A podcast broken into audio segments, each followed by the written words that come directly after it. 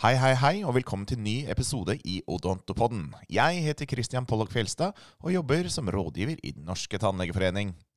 I november tok vi turen til Bergen og arrangerte landsmøte i Den norske tannlegeforening.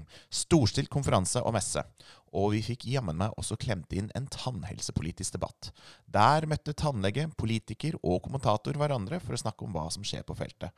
Og tannhelse er like helt som det var gjennom valgkampen. Forhandlingene om statsbudsjettet er nå i gang, og milliardene flyr også på dette feltet. Hvor det hele vil ende, vet vi ennå ikke, men før den tid får vi lytte til debatten i Bergen. Vi rekker en stor takk til lydfolka som fikset god lyd på opptak. Øyvind Huseby har som vanlig mikset det hele sammen, så nå gjenstår det bare å si kjør debatt.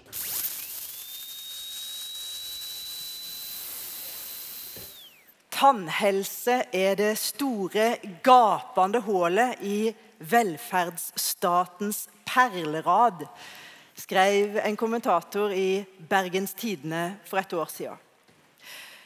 Og Engasjementet på feltet det er stort. Det er sterke følelser, og i valgkampen gikk det hett. Det er gitt mange løfter. Så er vi kommet til det som skjer etterpå. Hva blir handlingen? Hva skal skje? Blir det en stor reform? Vi har eh, tre politikere fra Stortinget som har meldt ankomst hit i dag for å se nærmere på mulige løsninger. Jeg heter Siri Lill Mannes. Jeg skal lede den eh, neste timen. Der du både får møte politikerne, du får møte òg en kommentator, han som skrev om det store, gapende hullet, og ikke minst presidenten i Norsk tannlegeforening. Men aller først må vi møte noen av de som sitter tettest på. De som faktisk ser hva er problemene i hverdagen, og hva er utfordringene. Og De skal vi få inn i stolen. Og Det har jeg alltid drømt om å si til tannleger. At nå er det min tur til å invitere dere i stolen. Og så er det en eh, forskjell her på de som driver i privat og de som driver i offentlig sektor. Og vi har begge representert.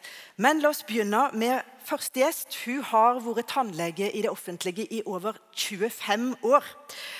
Og nå er hun sjef, eller klinikkleder på Askøy tannklinikk. Så gi en god velkomst til Cecilie Femsteinevik.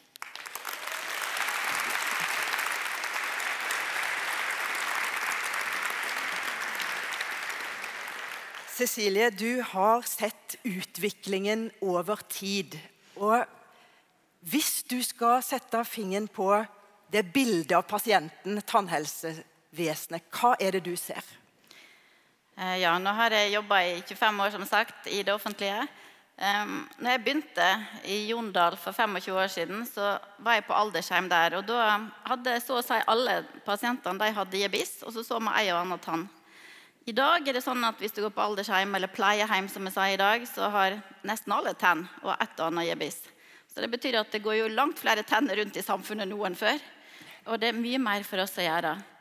Um, vi ser jo at uh, vi har uh, ganske god kontroll på å jobbe med barn, psykisk utviklingshemma. Og så kommer vi til disse C-pasientene, som vil si institusjon, hjemmesykepleie, psykiatri. Og Der sliter vi litt i forhold til hvordan samfunnet eh, på en måte organiserer seg etter hvert. Før så, så, var det aldershjem, for du kom dit når du var gammel, og det ble bygd ut plasser. Nå bygger de ned plasser, folk skal bo hjemme. Og de som kommer på institusjon, de skal inn stort sett for å dø. Det er liksom sånn livet er blitt. Og Da er det vanskelig for oss å ta en tur på aldersheimen eller pleieheimen og se hvem kan vi hjelpe. For vi må nesten se hvor syke de kan vi faktisk hjelpe dem. Og så er det alle i hjemmesykepleien som bor en og en her og der. Hvordan kommer vi til å nå dem? Jeg tenkte jo lenge at De kom ikke inn på tannklinikken til oss, og at det var et logistikkproblem. At noen må liksom følge dem. Helt til Gunhild Strand hun er en kjempeartig dame, hun sa det. Hvordan tror du de skal komme inn til deg når de ikke kommer fra stova til badet sitt engang? Så vi må hjem. Vi er ikke organisert til å reise hjem til folk. Nei, og Her er det jo en belastning, rett og slett. Selv om det er en vinn-vinn-situasjon, at flere har tennene sine lenge, ja. så er det en stor belastning, slik du opplever det. Altså, det er på en måte mer å gjøre. Og da trenger vi mer folk, mer ressurser. Ehm, jeg vil også slå et slag for psykiatriavtalen, som jeg syns er for dårlig. der er det Hvis noe politikerne vil gjøre noe, så kan de gjøre noe med den. For den har vi prøvd å linke opp mot institusjonsavtalen. Det betyr at hvis det er en psykiatrisk pasient innlagt på institusjon før, så får de jo gratis hos oss, men ikke når de kom ut igjen og var bedre. og Da kunne de jo ikke nytte seg av tilbudet. Nå har vi linka det opp mot hjemmesykepleieavtalen. Også en dårlig deal for psykiatripasienter som er så dårlige at de må ha hjemmepsykiatri. Kommer heller ikke på tannklinikken. Så der tenker jeg vi har en uh, ting å ordne opp litt. Så der, der, er det to hull. Det er eldre som da trenger mer uh, hjelp, og så er det psykiatri. psykiatri. Og Hvor store er de hullene? Hvor alvorlig er det? Jeg tenker at Det er gjerne ikke sånn kjempemange pasienter i volum det er snakk om, men jeg tror kanskje at disse pasientene snakker ikke veldig høyt heller. Så noen må snakke for dem. Så hvis jeg først fikk anledning til å sitte her, så tenkte jeg da skulle jeg si det. Og så er det jo et faktum at det er flere partier som vil endre tannhelsesystemet vårt. De, de begynner med de unge. Du peker på helt andre grupper der behovet er størst. Er det, slik du opplever det som tannlege, er det feil å begynne med ungdommen? Altså, vi har jo de, Fram til de 18 så er de gratis, og vi har god koll på de, og så får de billig tannhelse når de er 19-20. Men i det, de er 19-20 så begynner de å forsvinne litt for oss. Det er ikke alle som kommer lenger. Og Grunnen til det er at disse skal ut og studere og utdanne seg, og de flytter ut av heimkommunene uten nødvendigvis å være folkeregistrert en annen plass. Sånn at dette er en omskiftelig gruppe på tur. Så det er kanskje ikke så lett logistikkmessig å tenke hvor skal de få da tannbehandlingen sin. Skal de få det der de oppholder seg, eller der de er folkeregistrert? Og jeg er veldig glad i den offentlige tannhelsetjenesten. Så jeg er jo ikke meg noe ting at vi blir større og får flere oppgaver, men vi må få ressurser tildelt. Og, og når du skal rekruttere, søke etter folk, hvordan går det med søknadsmassen? Er det, er det sånn at folk står i kø? Nei. Det er et stort problem for den offentlige tannhelsetjenesten å rekruttere og stabilisere god arbeidskraft. Nå jobber jeg et steinkast fra Fisketorget, så det er jo ikke vanskelig for oss. Men du skal ikke mer enn et par timer herfra, så vil du kjenne at de sliter med å rekruttere og stabilisere arbeidskraft. Og det er et største problemet kanskje for den offentlige tannhelsetjenesten. Vi må òg høre fra det private, for de fleste tannleger de jobber jo i privat sektor. Og hun har invitert i dag, hun driver enkeltpersonforetak i et fellesskap med andre tannleger på Stord. Ta godt imot Signe Rydland.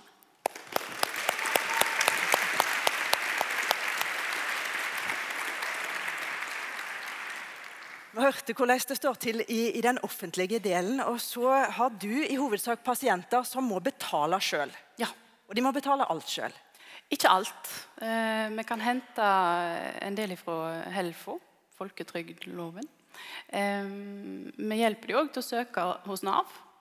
Eh, men hovedsakelig, ja, de må betale alt. Ja. Og mange opplever jo at det er dyrt, og du trenger ikke egentlig ha særlig dårlig råd for å tenke at det er dyrt å gå til tannlegen. Men hva praktiske konsekvenser ser du at det får for folk? Eh, dagen etter jeg fikk spørsmål om å komme hit, så satt jo jeg på klinikken med dette her i bakhodet. og Snakka med mye folk og forteller om hva jeg møter i klinikken. Og, og der kom det en, et prakteksemplar inn. Det var en eh, brokete historie hvor en ikke har hatt penger til å vedlikeholde. Hvor det er, det er en sånn blanding av eh, psykiske problemer, og sånn, men ingenting som på en måte gir eh, full dekning. Sånn at Vedkommende hadde ikke hatt anledning til å eh, opprettholde den gode tannhelsa som vi eh, prøver å, å, få folk til å, til å ha. Og eh, det er en eh, eh, Da tar vi et stort røntgenbilde og ser, og her ender vi opp med eh, helproteser, gebiss. Og vedkommende er like gammel som meg. Og da er, det er sånn det er ganske tøft å sitte i det. Og vi må på en måte nøste opp i et sammensurium da, av, av, mulige trygderefusjonsrettigheter eller offentlige. Altså, det, er ganske, det, er ganske, vanskelig når det ikke er noe eh, tydelig fasit på hvor vi skal hjelpe. hjelpe denne. Men er, det sånn at eh, du syns den eh, kriteriene er for strenge for å få hjelp? Eh, de skulle vært mer målretta mot f.eks. sånn som du sier, psykiatri. Altså, eh, det, hadde hjulpet veldig i den private òg, altså. Eller eventuelt hatt en mulighet til å sende til det offentlige. En historie som eh, vi ikke ofte hører, det er hvor langt du og kollegaer kan strekke dere for å gi folk behandling òg i det private. Og dette her koster. Ja, i penger. det koster penger. Sjøl eh, gebiss koster penger. Og du har betalt, du har lagt ut for at folk skal få Da har jeg mer eller mindre ufrivillig ja. Eh, der er jo eh, Av og til så lar du deg på en måte påvirke av disse her eh, tragiske skjebnene med barn de har, de, så de skal forsørge, og så kan de ikke smile. Eh, og så tror du at eh, de eh, overholder den avtalen de har med Nav, så de sier at de har. Eh, jeg var ganske ung den gangen, men det, så det kom jo aldri noe penger for de helprotestene som jeg lager. Men jeg Ja. Hva, hva er det første du ville rette opp hvis du kunne påvirke systemet? Eh, eh, at en målretter eh, de stønadsordningene som en ønsker å innføre og forbedre. Altså.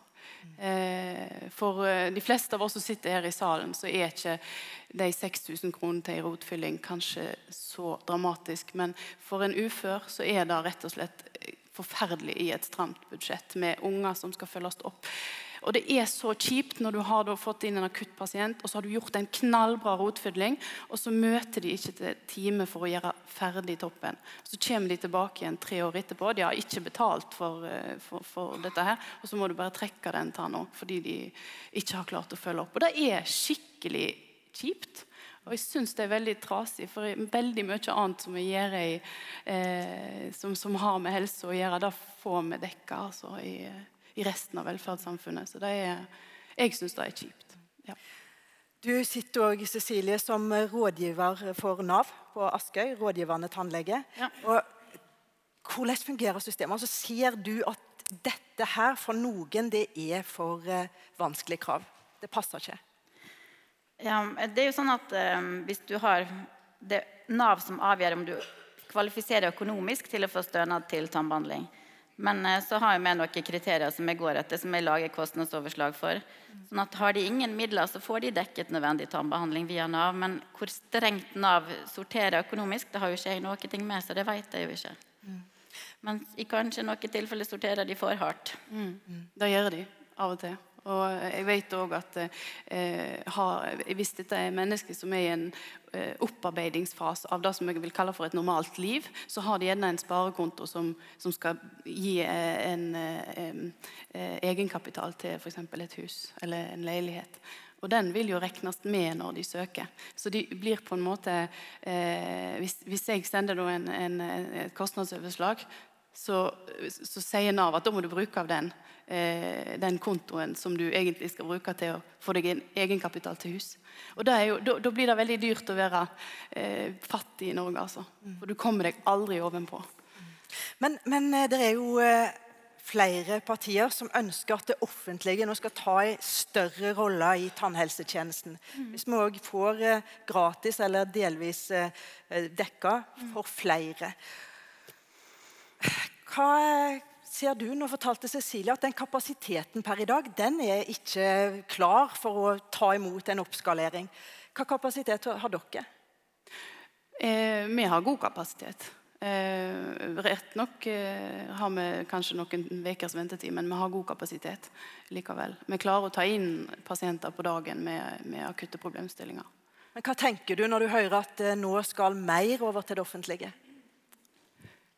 Veldig vanskelig å svare på. Eh, fordi at eh, Da må du ha en helhetlig vurdering av det. tenker jeg. Eh, du kan ikke bare si at eh, nå skal det offentlige gjøre veldig mye mer enn det en har gjort før. Og så skal ikke det på en måte følge med noe. sant? Altså, Du har eh, odontofobipasientene, tannlegeskrekkpasientene der er det jo et enormt kapasitetsproblem. Så ventelista blir jo deretter. Sant? Etter to år. Avhengig av hvor du er i landet. Og Hvis du da eh, sier at det offentlige skal overta flere arbeidsoppgaver uten at det, eh, det følger med ressurser, sånn som det har gjort, så blir det ikke bra for noen. Det blir, eh, ja. Nå skal vi straks høre ifra politikerne. Hva er det du er mest interessert i å få dem til å svare på? Hva, hva, er det du helst vil ha et svar på i dag? Jeg vet ikke om jeg kommer til å få noe svar i dag, men at de vil satse på tannhelse og øke den offentlige sitt bidrag og gi oss mer ressurser til å løse oppgaver, er vi veldig glad for. Vi er veldig for det.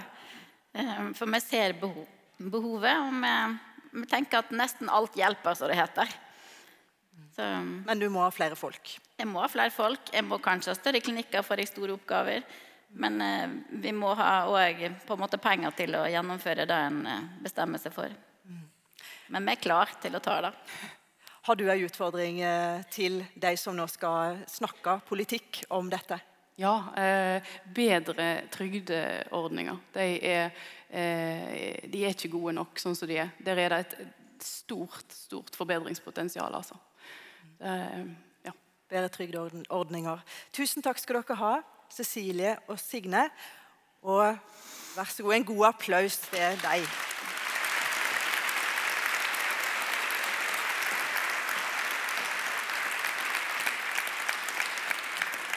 Så, så er det da mange som ser dette behovet for endringer. Og vi skal se nærmere på hvordan et framtidig system kan, skråstrek, bør bli. Vi skal høre fra både et regjeringsparti og fra opposisjonen. Og da er jeg veldig spent på om vi har fått med oss alle det har vi. Flydd inn fra Oslo her. Og det er ett parti som vil ha gratis tannbehandling til alle i løpet av fire år. Og det er Rødt. Ta godt imot Sofie Marhaug.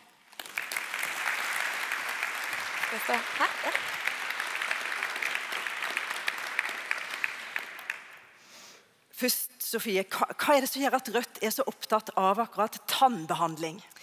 Nei, Rødt er jo opptatt av akkurat tannbehandling fordi det er en del av eh, helsevesenet, sånn som vi ser det, som eh, er et lite stykke USA i Norge, et eh, privatisert helsetilbud, i motsetning til det meste annet av offentlig helsetilbud, der vi har en modell som vi mener virker sosialt utjevnende i dag. Det har vi ikke i samme grad når det kommer til tennene våre. Eh, så Derfor er det viktig. Men det er òg viktig fordi det er viktig for flere enn Rødt. Eh, det er viktig for Pensjonistforbundet, det er viktig for Fagforbundet. Eh, det er viktig for veldig mange studenter. Altså, vi har en allianse av folkelige bevegelser egentlig, som ønsker seg en tannhelsereform, og som ønsker seg egentlig på sikt òg gratis tannhelse for flere. Og vi ønsker jo det for alle da, på ja. sikt. Ja. Og, og, den sikten er ikke så veldig langt fram heller. Hvis du snakker om fire år i politisk målestokk, så er det rasende fort. Hvordan skal du få penger til dette? Nei, altså Rødt har jo eh, lansert en eh, skatteplan da, eh, der vi viser hvordan vi vil eh, øke skattene. Eh, vi vil ikke frede høyresidens skattekutt, sånn som dessverre dagens regjering gjør langt på vei. både med selskapsskatten, de gjør, gjør, ingenting med arveskatten. og de endringene i formuesskatten, vi får se hvor store eller små de blir. Men poenget vårt er jo å vise da, at vi har råd vi har råd til gratis tannhelse. Det er ikke det det står på. Det handler om prioriteringer. Og så er det klart at det er mange utfordringer knyttet til hvordan vi skal bygge dette ut, hvordan vi skal organisere det, eh, hvordan vi skal trappe opp. Eh, men det Rødt ønsker å vise, er at vi har råd, det er mulig, og det handler om politiske og økonomiske prioriteringer. Mm.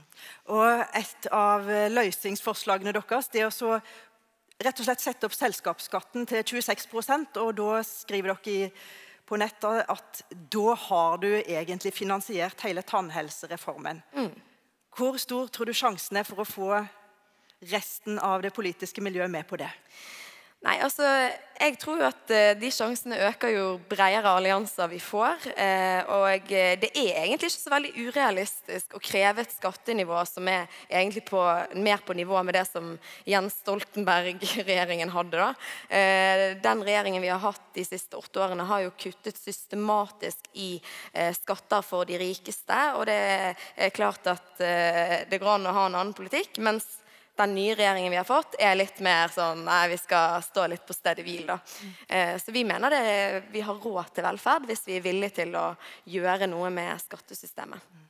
Vi skal høre fra et av regjeringspartiene ganske så snart. Men eh, først så skal vi til eh, et parti som dere ikke nødvendigvis står nærmest alltid, men dere skal få stå nærmest nå. Mhm. Frp. De har òg engasjert seg for endring i tannhelsesystemet. Ta godt imot Helge André Njåstad.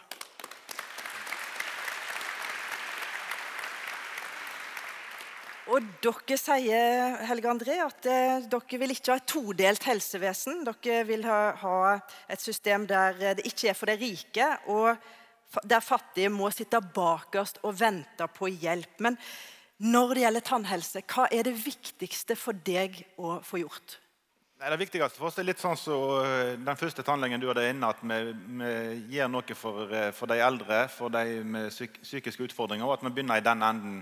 Eh, Der er kanskje litt forskjell på oss og, eh, og Arbeiderpartiet, så vi begynner i den eh, yngste delen. Så har vi pekt på de eldste først.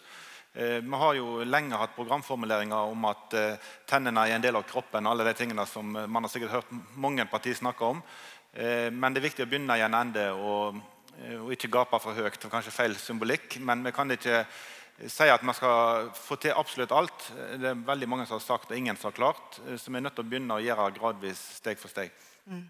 Og når det gjelder det som Rødt spiller inn her, med gratis fire år Begynner med de yngste. Er det, er det sånn at du er helt uenig, eller er du egentlig enig i at gratis for alle er målet? Jo, gratis for alle er selvfølgelig målet, og hadde vært veldig, veldig greit å få det til. Eh, Men jeg, jeg vil ikke stå og si, selv om det er fristende når vi har 2800 tannleger her, og så si at, eh, at vi skal levere på det, så, så blir det jo ikke troverdig når, eh, når man har sittet som parti med ansvar i åtte år. og Man får til noe, men vi har jo ikke kommet så langt som vi gjerne skulle ønske. så det er jo lettere for Rødt som ikke har vært med med stor gruppe i Stortinget og bare lova alt mulig. Men eh, hvis de eh, Vi har blitt større.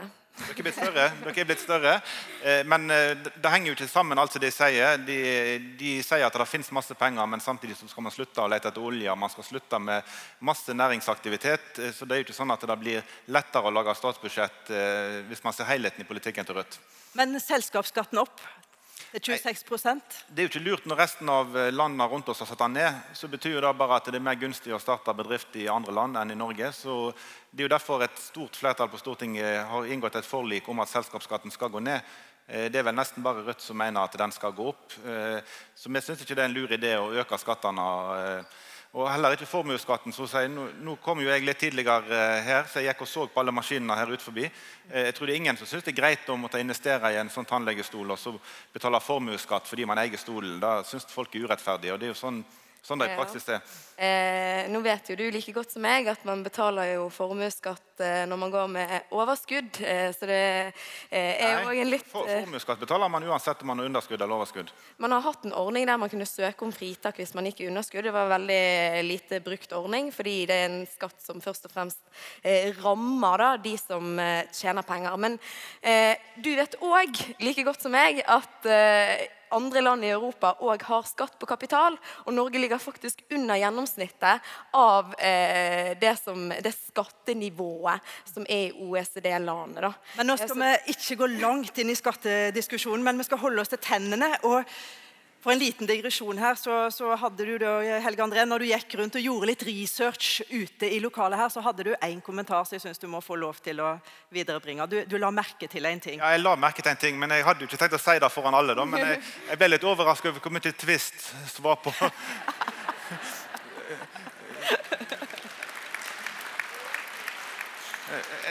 Men det, men, det, men det er veldig beroligende. Når, når tannleger kan ha twist, eh, så, eh, så tillater jeg meg litt mer sjokolade, jeg òg. Så det er bra.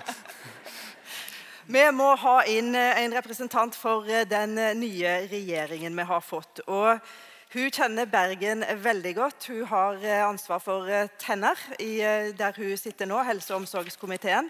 Ta godt imot Lubna Jafferi.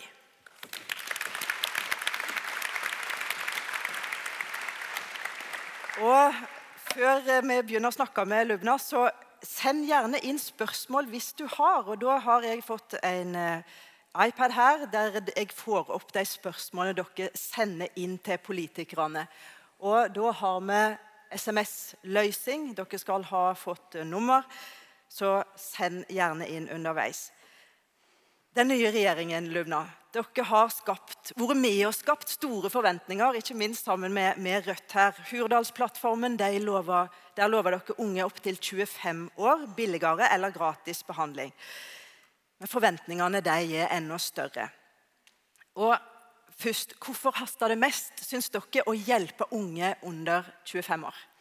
Det er ikke bare de vi snakker om i Hurdalsplattformen. Det. Det, det er de som blir løfta fram. Ja, men vi løfter også at vi ønsker å eh, øke støtteordningen til de med dårligst råd, og de som eh, da har eh, sykdommer, og også de som har rett på offentlig tannhelse. Ja, så vi sier dere- flere ting, og så sier vi at vi skal starte denne reformen da, på mange måter blant de yngste. Og det er, Hvorfor det? Ja, altså, jeg vet at det er mange meninger om dette, og, og tannlegen min sitter i salen og har sendt meg en mail om at han er veldig uenig med meg. Og det, det, det er helt i orden. Eh, grunnen til at vi begynner her, er at vi mener at dette her er eh, si, en lavthengende frukt. Dette er ungdommer, unge voksne, som er innenfor eh, et system der de får tannbehandling i dag. Og det ble jo også sagt fra Cecilie ikke sant, at de, de får halv pris når de er fra 19 til 20.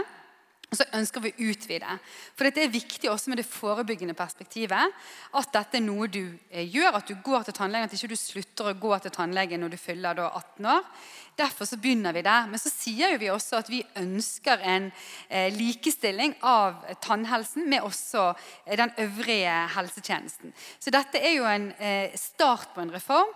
Vi ønsker at det skal være likestilt med andre deler av kroppen. Vi mener at det er viktig at både den offentlige tannhelsen utvikles, men vi ønsker ikke å avvikle den private delen av tannhelsesystemet. Vi har jo et system med fastleger i dag, der vi går til private fastleger, men det er en del av det offentlige helsevesenet, og det mener vi også vi kan gjøre med tannsystemet og tannhelsesystemet. Så vi ønsker ikke å avvikle den private delen, vi må utvikle den. Men du vil ha en slags fast tannlegeordning? Nei, altså, sant? Det som Vi må gjøre er vi må gjøre flere ting. Vi må gå, altså, vi må gå gjennom refusjonsordningene. Eh, og Det har også Tannlegeforeningen pekt på. Det er viktig, for dette er ganske komplekst. Og så må vi se på eh, hvordan vi kan sørge for at de som trenger hjelp, både de som er psykisk syke, eh, de som er utviklingshemmet, de som, har, eh, som er eldre, de har i dag rettigheter. De rettighetene er ikke godt nok ivaretatt, og da trenger, handler det om ressurser. At vi må tilføre den offentlige delen og fylkene eh, nok med penger til å ta vare på de, og også sørge for at eh, kommunehelsetjenesten snakker sammen med fylket og spesialisthelsetjenesten. Det er ganske komplekst dette, fordi det er ulike nivåer som har ansvar for ulike deler av eh, tannhelsen. Og så er det òg i ungdomspartiene til eh, regjeringspartiene der er det forventninger om mer. Og det er forventninger om at dette skal gå fort, og at pengene helst kommer i høst.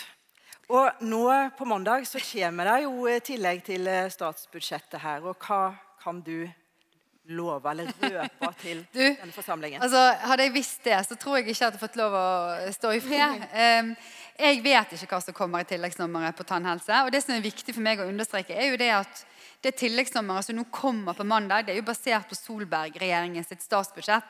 Det er et tilleggsnummer. Det ligger i ordet.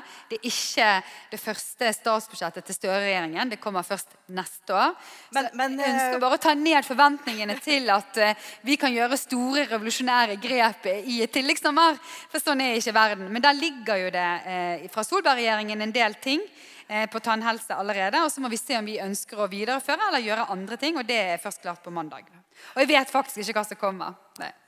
Det, du har et personlig engasjement her Mm. også. og det, Du har, du har vært en av de som droppa tannbehandlingen som ungdom. Mm. Ja. Hva skjedde da?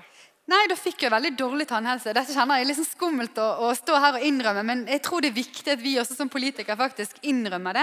Jeg var en av de som ikke gikk til tannlegen på veldig mange år, og skammet meg ganske mye over det. Eh, men så eh, har jo jeg fått en veldig fin tannlege som har tatt godt vare på meg. Og jeg har jo faktisk en tannkjøttsykdom. Jeg har periodontitt. Så det at hvis ikke jeg går til tannlegen, så kommer tennene mine til å falle ut. Så jeg trenger jo å gå til tannlegen. Og det var jo en ganske stor kostnad for meg å måtte da fikse opp i alt jeg da unnlot å fikse opp i da jeg var yngre. Eh, Men har nå gjort det, og har da relativt god tannhelse. Og jeg er stolt over smilet mitt og kan, eh, og kan eh, da eh, tenke at det er noe jeg kan eh, klare å møte meg selv, og så da tørre å snakke om det. For det tror jeg er veldig viktig at vi gjør. For det er mange som sliter med tannhelsen sin. Både folk som har dårlig råd, definitivt de, men også helt vanlige mennesker som har en vanlig inntekt, som ikke prioriterer å gå til tannlege. Hvis vi nå bare ser litt lenger fram Dere har eh, fire år foran dere i alle fall med, med makt her. og Hva vil du være mest opptatt av at Arbeiderpartiet klarer å få gjennomført på tannhelse på de fire årene? Altså, jeg tror at det er viktig at vi får satt i gang en reform, at vi ser begynnelsen på den. Ja, vi skal hjelpe de yngste, men vi skal også hjelpe de som er sårbare. De som har dårlig råd, og de som har sykdommer. Eh, TOO-ordningen, som eh, tannlegene er veldig opptatt av, den må vi utvikle. Eh, sørge for at de som er de absolutt mest sårbare, får den hjelpen.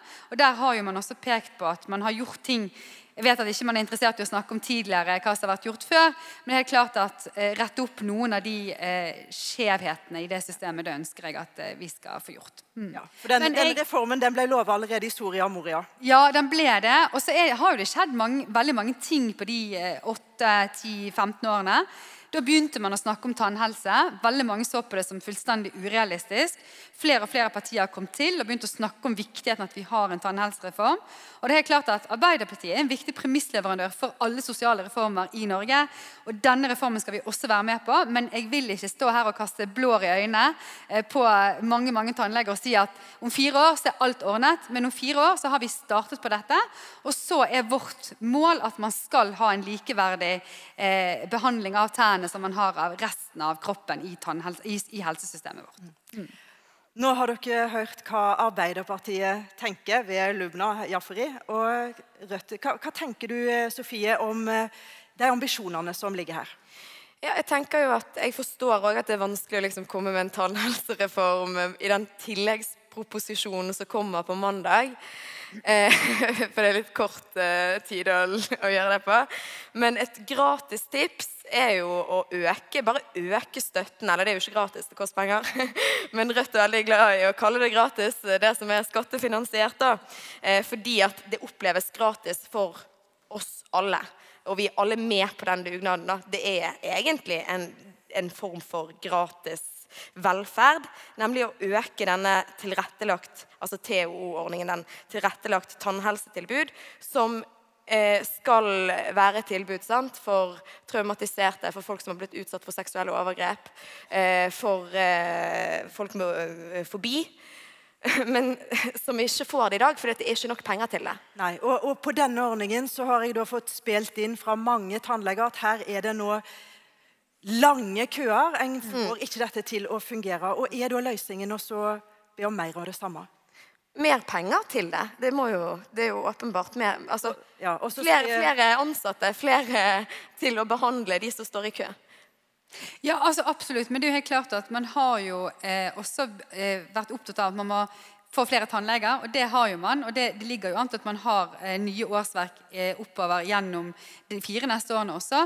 Men så er jo det sånn at det som har skjedd med den ordningen, sånn som jeg har forstått det Nå er jo jeg ny og har jobbet med dette i tre uker, men det er jo det at man har rett og slett satt ulike grupper opp mot hverandre. Så man har eh, gjort sånn man har tatt penger fra den ene ordningen, skjøvet over på den andre ordningen. Og det har jeg oppfattet at det er ikke noe man ønsker. Man ønsker å styrke TO-ordningen. Og Da trengs det friske midler. Det er helt riktig det som Sofie sier. Da må man enten må man omfordele. Det gjorde den forrige regjeringen, og det var ikke så veldig populært, for man tok fra en annen gruppe til en annen. Mm. Eller så må man finne friske penger. Og som sagt, jeg vil ikke stå her og lyge, fordi jeg vet ikke hva som kommer i tilleggsnummeret på mandag. Men det er klart at eh, det er noe vi har sagt at vi ønsker å se på. Eh, det er ikke nevnt spesifikt med TO-ordningen i Hurdalsplattformen, men når vi sier sårbare grupper, så er det de vi tenker på. Mm. Ja, I forhold til debatten her og det som kommer på mandag, så vet jo ikke vi så, så, mye som sitter på Stortinget om hva som kommer der. Jeg syns Lubna svarer bra på å, å, trekke ned forventninger. Det er jo naturlig at man, eh, man gjør det i, i den rollen som, som, Arbeiderpartiet nå sitter i. Eh, det som kan være nøkkel, er jo at vi rettighetsbaserer en del ting. Og så er vi nødt til å sørge for at uh, man ikke får venteliste. Det er der meg og Sofie skiller litt lag. Hun mener at det offentlige skal ta seg av absolutt alt. Da vet vi at det ofte fører til kø og venteliste. Mens vi vil ha et supplement til det offentlige med private, som òg kan gjøre oppdrag på vegne av det offentlige finansiert av de ordninger som er. Eh, da får man mindre venteliste når det er konkurranse og når det er fritt valg. Eh, så det er nok der vi skiller, skiller, lag. og Heldigvis så registrerer jeg at Arbeiderpartiet er mer på vår linje med at de private er et viktig supplement, og at vi ikke skal gjøre alt statlig. La, la oss gå litt inn på det, for du har hatt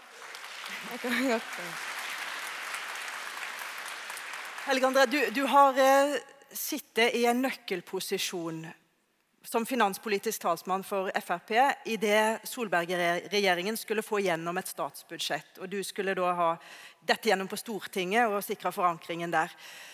Hvis, du, hvis vi ser vekk for, fra politikken et lite øyeblikk, rent praktisk Hvis en ønsker å få noe gjennom, altså gjennomført en stor reform økonomisk, hva er ditt beste tips? Det var et, godt spørsmål. Eh, jeg tror det beste tipset er å ta det steg for steg eh, og så gjøre ting rettighetsbasert. sånn at eh, Det er to, to, måter å bruke penger på statsbudsjettet på. Det ene er overslagsbevilgninger eller bevilgninger.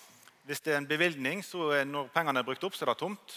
Hvis det er en overslagsbevilgning, så betyr det at man, man, antyder hva man har tenkt å bruke. Men hvis rettighetene utløser mer penger, så får du med mer penger. Eh, fødselspenger, alderspensjon, sånne ting er overslagsbevilgninger. Så da, da lurer trikset er at helsepolitikerne eh, ber om mest mulig overslagsbevilgninger for å gi rettighetsbasert til innbyggerne. Det er et lurt triks. Og så tror jeg også det er lurt at man skal være glad for steg for steg. Eh, det verste som politiker det er jo å klare å få til noe, men alle som heier på det, syns det var for lite og er misfornøyd. Det er den dummeste måten å jobbe politisk på. Hvis hvis det er sånn at Arbeiderpartiet får til 200-300 millioner mer til tannhelse, hvis alle dere da er misfornøyd, eh, så blir det ikke gøy for deg å be om å få enda mer neste gang. Eh, så man skal, selv om målet er at man skal få 3-4 milliarder en dag, så må man være glad for alle steg på veien eh, og, og anerkjenne de som får til å gå i riktig retning. Jeg tror det er veldig viktig. Vi har så de, ja, de som sitter her, har faktisk en rolle oppi dette? Ja, man har en rolle. og Politikere som satser på ting, er jo avhengig Nå gir jeg jo litt for mye tips til Arbeiderpartiet, kanskje, men man er jo avhengig av at, eh, at de som er opptatt av saken, heier på de som får ting til. Mm. Og ingenting er mer frustrerende. Vi har jo satsa masse på kommuneøkonomi i våre åtte år, og så kommunene er misfornøyd likevel. Selv om vi har gitt dem flere milliarder hvert år, så er de nei, det var for lite. Eh, og Da er motivasjonen til å gi dem enda mer, kanskje litt mindre. Så et triks er jo å være fornøyd med å skryte av de som får til å gå i rett retning. Nei, men altså, jeg, jeg, tenker jo det at um, altså, um, Som sagt, tannhelse det har vært diskutert i veldig mange år. Uh, og Det er først nå vi ser kanskje fruktene av at det har vært en debatt, og, og det feltet har modnet seg politisk.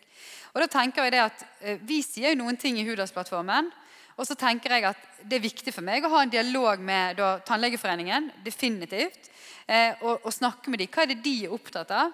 Eh, og så tenker jeg at eh, Vi som politikere vi har jo et ansvar både i prioritering og å gjøre noen valg.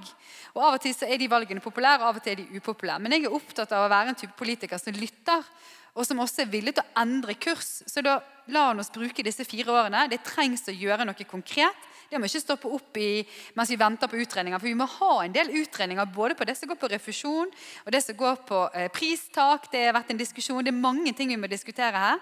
Eh, men at vi har en utvikling samtidig. Og så må vi være villige til å si hm, kanskje ikke dette grepet var det klokeste. Kanskje vi må prioritere annerledes de fire neste årene. Det skal jeg være med på. Den diskusjonen jeg har med Tannlegeforeningen eh, hele tiden. føler jeg. Og vi, vi, skal straks høre fra Rødt, men jeg har lyst til å be presidenten i Norsk tannlegeforening komme opp til oss. Camilla Hansen Steinum, god velkomst til henne. Og nå skal du eh, først eh, Camilla, bare få høre på, på Rødt her. For hva er det du vil? Altså nå Tannlegeforeningen har også engasjert seg i å ønske en, en, reform på feltet. Men hva er ditt viktigste budskap der? Jeg bare vil kommentere for det første, da. Fordi menneskene som er i kø for å få eh, tilrettelagt tannhelsetilbud, så er ikke et par hundre millioner ingenting. Eh, jeg syns det er liksom, eh, med all respekt, litt Eh, litt frekk da, overfor de som eh, ikke kan smile fordi at de står i kø for å få hjelp til å fikse tennene sine eh, etter å ha vært gjennom traumer, etter å ha vært gjennom seksuelle overgrep. De pengene betyr utrolig mye. Så det er bare en liten kommentar til det. Men så, når det kommer til offentlig-privat, der tror jeg eh, vi ikke er helt enige alltid heller med Tannlegeforeningen. Og det handler jo om at Hvis vi skal øke den offentlige støtten til, eh, i en tannhelsereform, så syns jeg det er helt rimelig at vi eh, har noen eh, premisser for den støtten. Det er våre felles skattepenger. Og det kan, Men Er det premisset at det må skje i offentlig regi? det kan være et pristak. Man kan eh, gjøre, la oss inspirere sånn sett av fastlegeordningen. Eh, man kan bygge ut fylkeskommunen, det fylkeskommunale tilbudet. Men ja, jeg mener at vi er nødt som politikere å eh, sette en stopper for velferdsprofitt. For det er jo det det vil være hvis vi bruker våre felles skattepenger, at de forsvinner eh, inn i eh, flere ledd, eh, eiere på eiersiden. Men, men eh, mener du at private tannleger per definisjon er profitører? Nei, ikke per definisjon. Og jeg, jeg eh, tror jo òg selvfølgelig at eh, de fleste som er tannleger, har en yrkesstolthet som de forvalter. Men jeg må jo bare få sagt det da, likevel at det er en fare med kommersialisering av helsetjenester. Fordi det blir overbehandling av de som har god råd. Jeg har, jeg har sjøl spurt tannlegen min sånn, hvor mye koster det å, å bleke tærne. liksom, Av ren forfengelighet. Så har jo min tannlege yrkesstolthet og sier sånn Ikke gjør det. Men, Men men, må høre fra Tannlegeforeningen òg, for her er Camilla Hansen Steinum på plass. og Nå har du lytta litt til debatten og, hvordan eh, det blir tenkt i ulike partier. Hva er det største behovet du ser? det, det største behovet jeg ser, er behov for mer kunnskap. Eh, Jeg blir litt bekymra når jeg hører på diskusjonen. Eh, eh, Vi vet for lite om tannhelsetjenesten. Men det vi vet, er at den fungerer ganske godt. Og det syns jeg at dere skal ta med dere videre. Eh, Det er utfordringer, men vi har faktisk gjennom mange år utvikla en tannhelsetjeneste som fungerer, og som har gitt befolkningen god oral helse. Så sier ikke jeg at vi er i mål, tvert imot. Men jeg syns det må ligge i bunnen. Og så må jeg si at privat tannhelsetjeneste har hatt ansvar for hele befolkningens tannhelse, den voksne delen, i så lang tid. Eh, og det at man begynner å snakke om velferdsprofitører, det, er faktisk litt provoserende. For det, vi, er altså 70 private tannleger. Eh, jeg, jeg syns det er viktig å si. Eh, og, så, og så skjønner jeg at det blir mer offentlig finansiering, så blir det også mer kontroll og mer styring. Det er helt ok. Men, men, men det er altså sånn at dere også må ta inn hvordan tjenesten er i dag. Og så må vi bygge videre på det. Og så har jeg lyst til å si en ting til. Du sa det heldigvis selv. For det er, eh, det er ingenting som er gratis. Og selv om det blir mer offentlig finansiering av tannhelsetjenesten, så vil det ikke bli gratis. Eh, Og det er ikke helsetjenester i dag heller. Sant? Det er en Nei, egen det er en egenandel. Ja. Og Og det er det vi- viktig å si det, for den, den debatten blir ofte så eh, polarisert. Ønsker du gratis tannhelse? Ja, selvfølgelig. Altså, ingen vil jo betale for de tjenestene hvis man kan få de gratis, men det er ikke det som er Det er ikke reelt. Og så har jeg lyst til å si vi har en god basis å bygge på.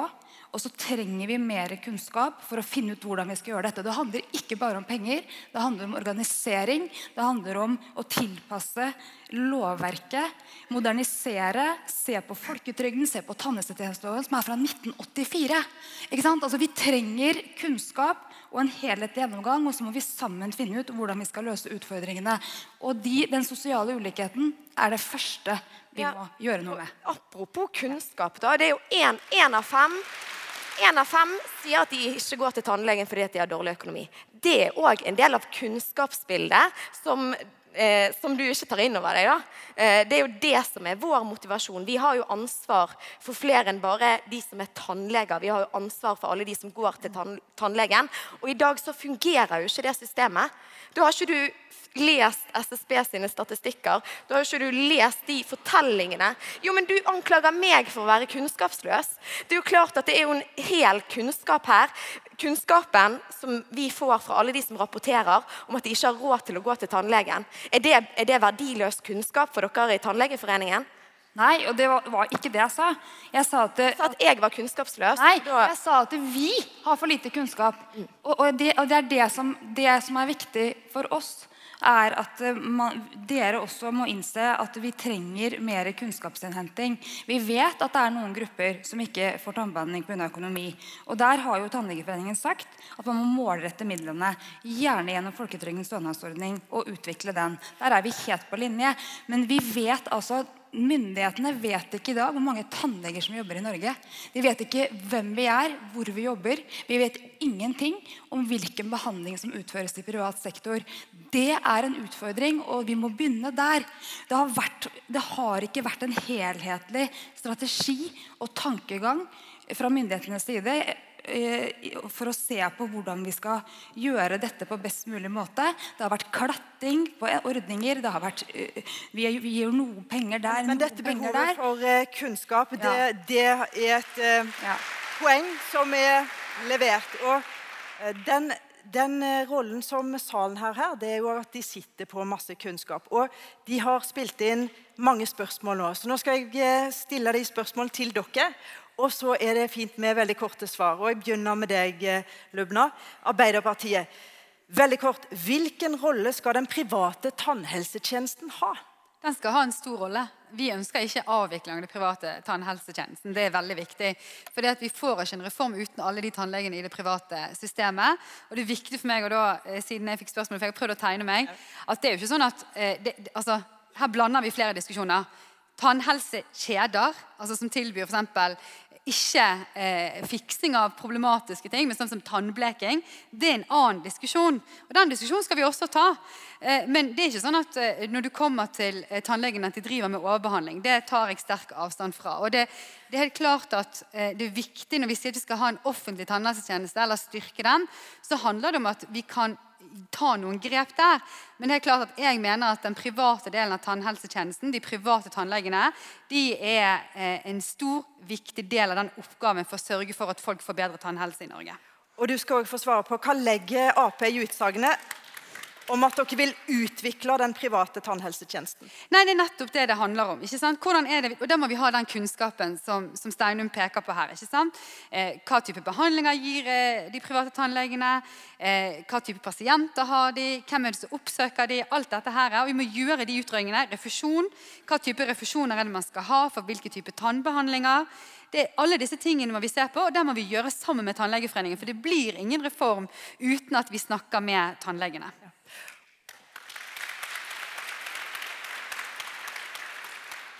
Helge André, Bør organisering av tann- og munnhelse flyttes til kommunalt nivå?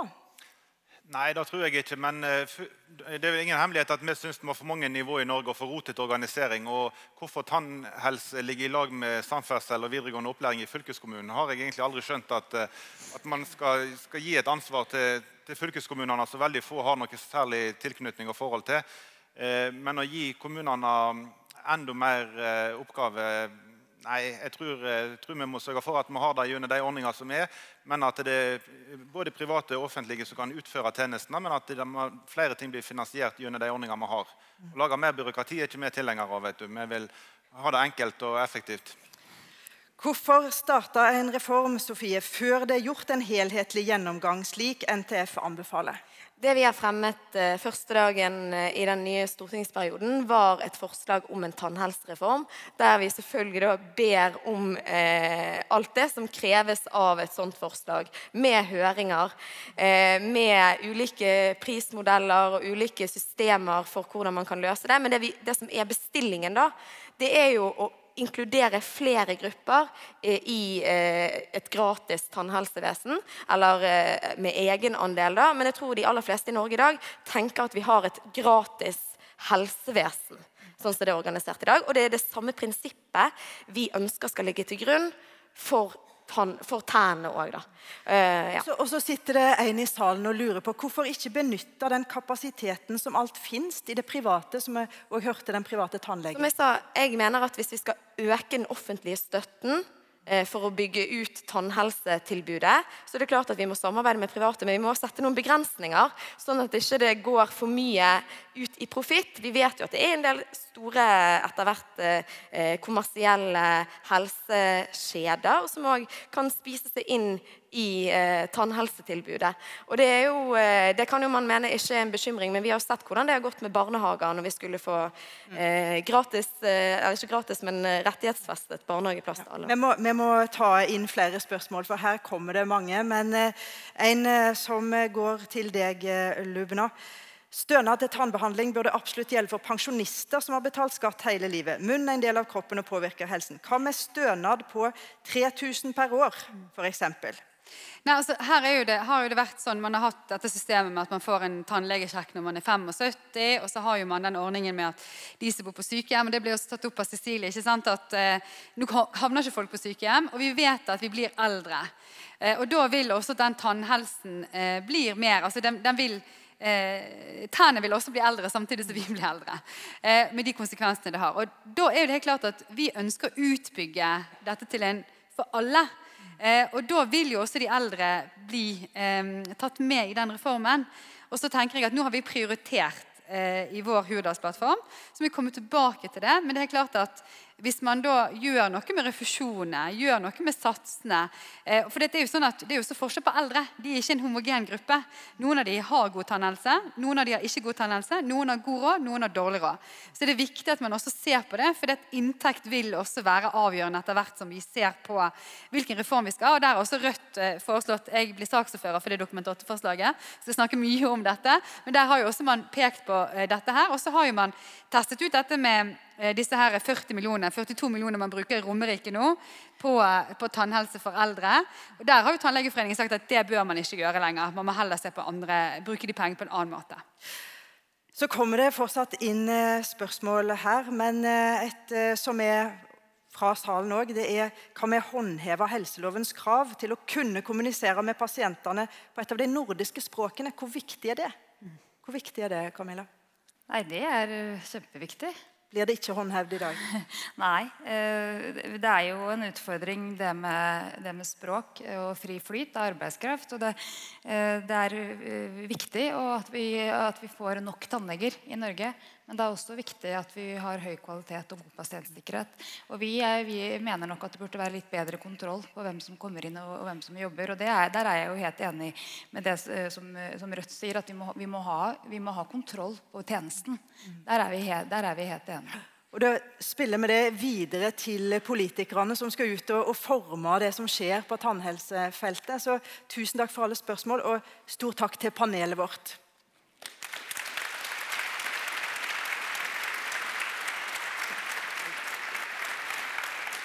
Og Camilla, hvis du vil ta plass i stolen her, du òg, så skal vi tilbake til han som jeg begynte med å sitere. Han er kommentator i Bergens Tidende, eller han var kommentator. Nå har han eh, forandra status og blitt kulturredaktør i Bergens Tidende. Jens Kiel. God velkomst til han.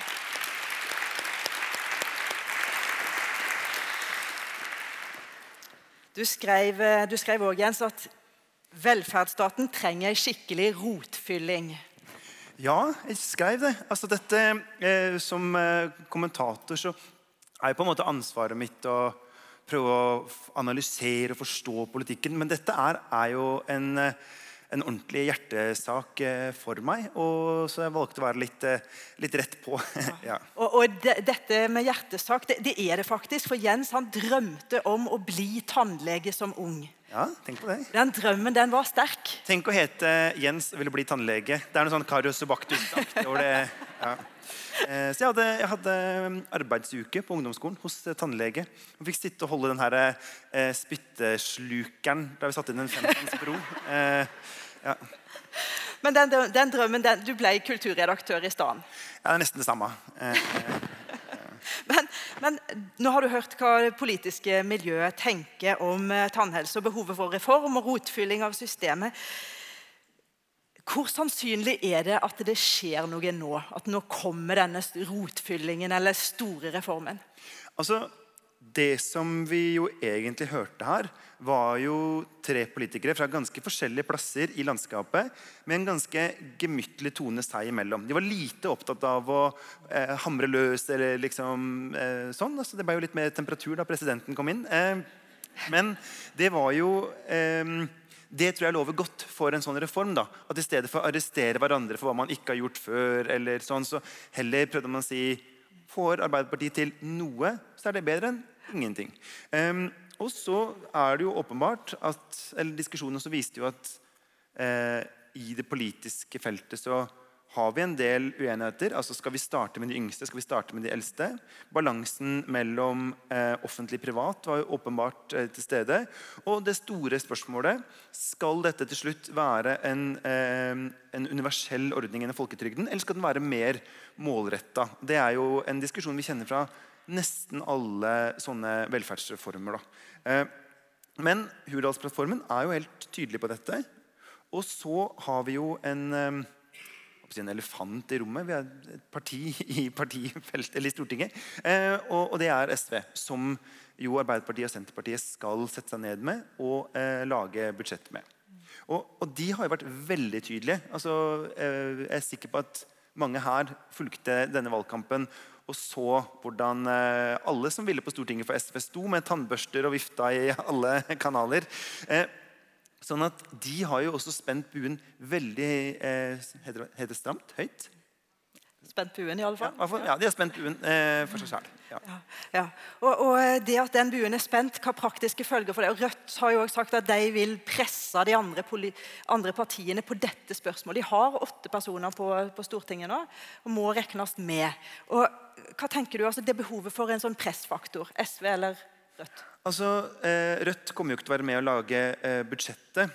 Men jeg tror at for SV-erne så er det en veldig gyllen situasjon at eh, Tannlegeforeningen, at Rødt, at Fagforbundet, at mange av disse sier nå gjelder det, nå har vi muligheten, dette må vi eh, prioritere.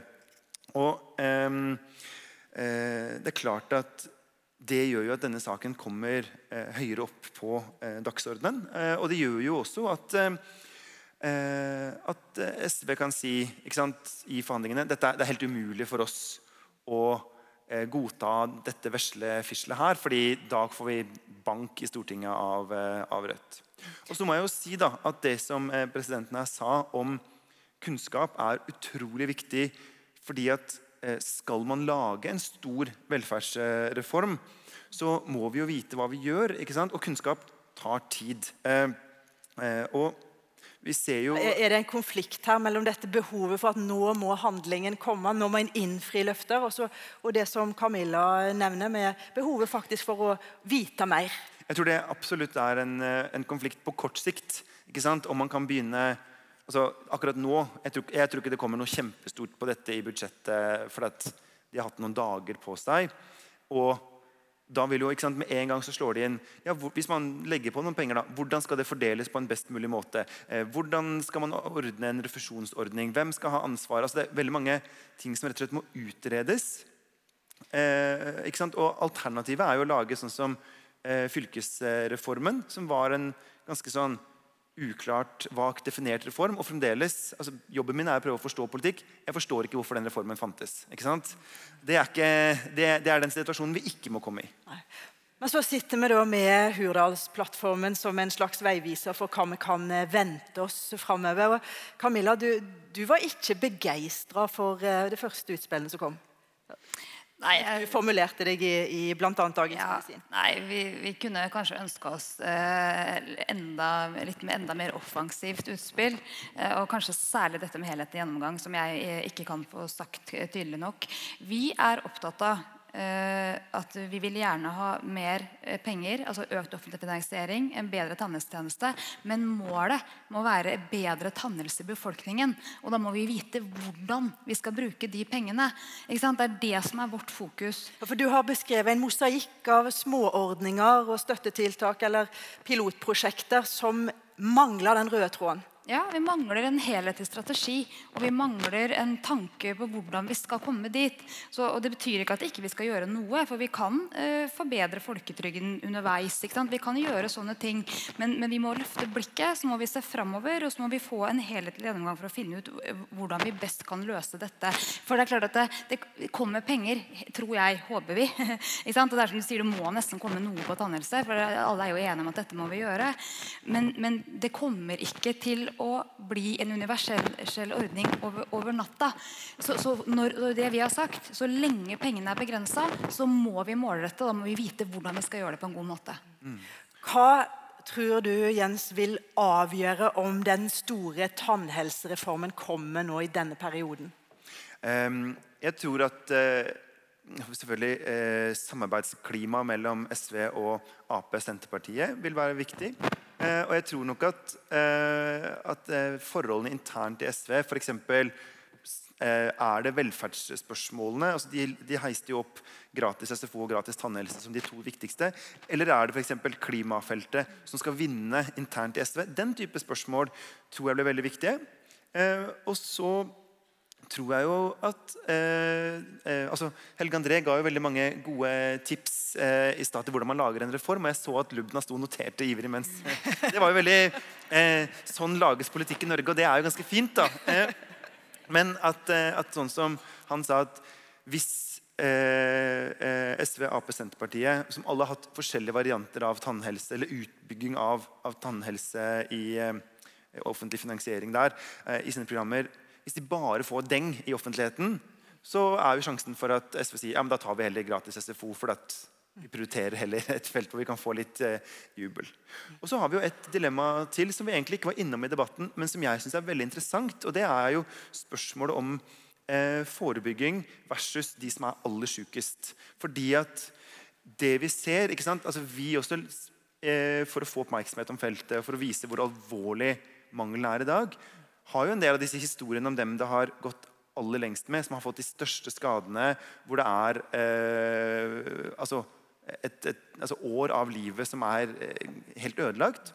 Men det er klart at, og, det, og, det, og Mange tar jo til orde for at det er der vi må sette inn penga. De her, her, der ligger mange prioriteringsdiskusjoner. 70 000 kroner må inn på den, den personen. Det må det kanskje. Men de må jo de burde vært hjulpet ti år før. ikke sant? Og hvordan klarer vi å vinne debatten eller hvordan klarer den debatten å dreie seg mer til de som bare trenger en tannsjekk og kanskje en eh, ganske mye enklere, et enklere inngrep? da? Det dilemmaet der det må politikerne ta med seg tilbake til eh, Stortinget. Og helt avslutningsvis, Camilla, i ett råd. Hvis du var statsminister i dag, hva var det første du hadde gjort på tannhelse?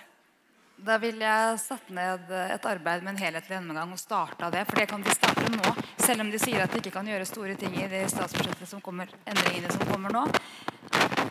Nå tror jeg, tror jeg lyden tar oss. Ja. Helhetlig gjennomgang. Helhetlig gjennomgang Kunnskapsinnhenting. Tusen takk skal dere ha.